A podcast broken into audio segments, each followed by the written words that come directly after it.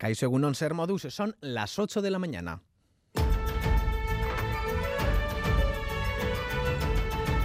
Crónica de Euskadi con Lier Puente.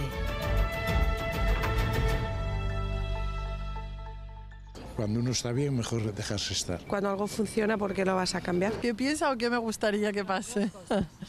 creo que seguiremos igual, pero creo que necesitamos un cambio. Creo que no va a haber cambio. Que va a ganar el PP? É o momento. Si non esta vez, creo que non vai a ser ninguna outra.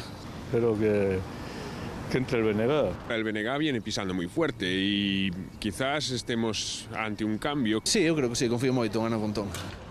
Continuidad o cambio, la llave la tiene ahora la ciudadanía gallega. En una hora se abren las urnas en los colegios electorales de Galicia. En estos momentos comienzan a conformarse las mesas que decidirán el devenir de la comunidad. Según los últimos sondeos, se espera una intensa lucha entre el bloque de izquierdas y la derecha del Partido Popular, que podría perder la mayoría absoluta actual. Un auténtico examen para el liderazgo de Alberto Núñez Feijo. La última encuesta publicable del CIS reflejaba el lunes una fuerte subida del BNG costa del PSDG, mientras que el PP de Alfonso Rueda se mantiene con los mismos diputados, sin garantizarse la mayoría absoluta de la que dispone actualmente en el Parlamento. En unos minutos conectamos con Santiago de Compostela.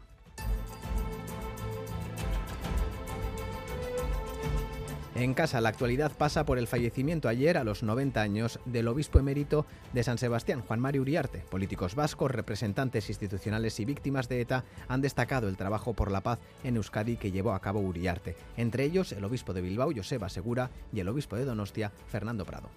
Fue un sacerdote que estudió psicología en su momento y eso abrió su mente y sus perspectivas muchas realidades que ordinariamente no están en el currículum de los presbíteros, de los sacerdotes. Y siempre digo que no me ha dado muchos consejos desde que soy obispo, simplemente me decía muchas veces tú, ten paciencia y quiere mucho a la gente. Y bueno, pues con eso me quedo. Sé que él así lo ha hecho también siempre. Esa herencia nos deja. Y finalmente, el conflicto laboral de los autobuses urbanos de Gasteiz, Tuvisa, puede estar a punto de finalizar. El comité de huelga y la dirección de la empresa alcanzaron ayer un preacuerdo que esta tarde a las 7 la plantilla de Tuvisa tendrá que ratificar en asamblea como controlar el número de horas diarias que realizan los 330 trabajadores de Tuvisa es el mayor escollo en la negociación, y es que los conductores no tienen sistema de fichajes. Y en Tolosa, varios cientos de personas se concentraron ayer convocados por familiares y amigos del joven de 16 años que resultó herido en un ojo el pasado domingo en una actuación de la Ertzaintza en Carnavales. Tras criticar el modelo policial de la Ertzaintza, los asistentes han exigido al consejero de Seguridad, Josué Erkoreka, que asuma toda su responsabilidad. Nahikoa da, nahikoa da, eta ea, behingoz, aldatzen dan guzti hau. Hor goi mailan dauden, jendarte guztioi, erramientak behingoz mai gainean jarri, eta benetazko gauzak argitzea. Erantzun kizun guztiak, ematea, transparentziaz, inungu kortinarik aurrean jarri gabe.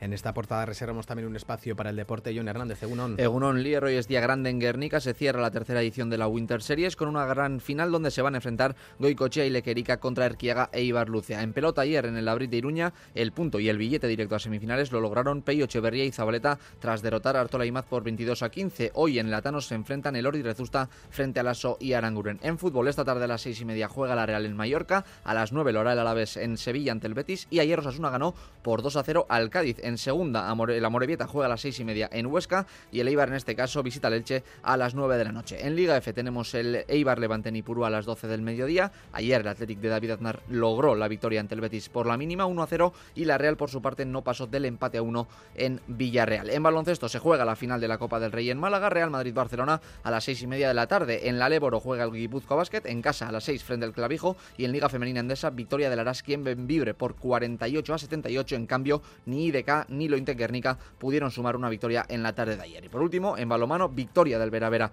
en el derby ante el Betionac por 20 a 29, mientras que en la Liga Sobal hoy juega el Vidasoy en Valladolid a las 12 y media del mediodía.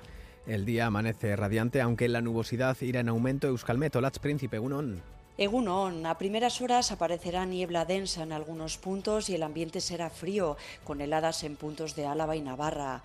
Por la mañana el ambiente será claro, aunque no estará despejado y veremos nubes medias y altas.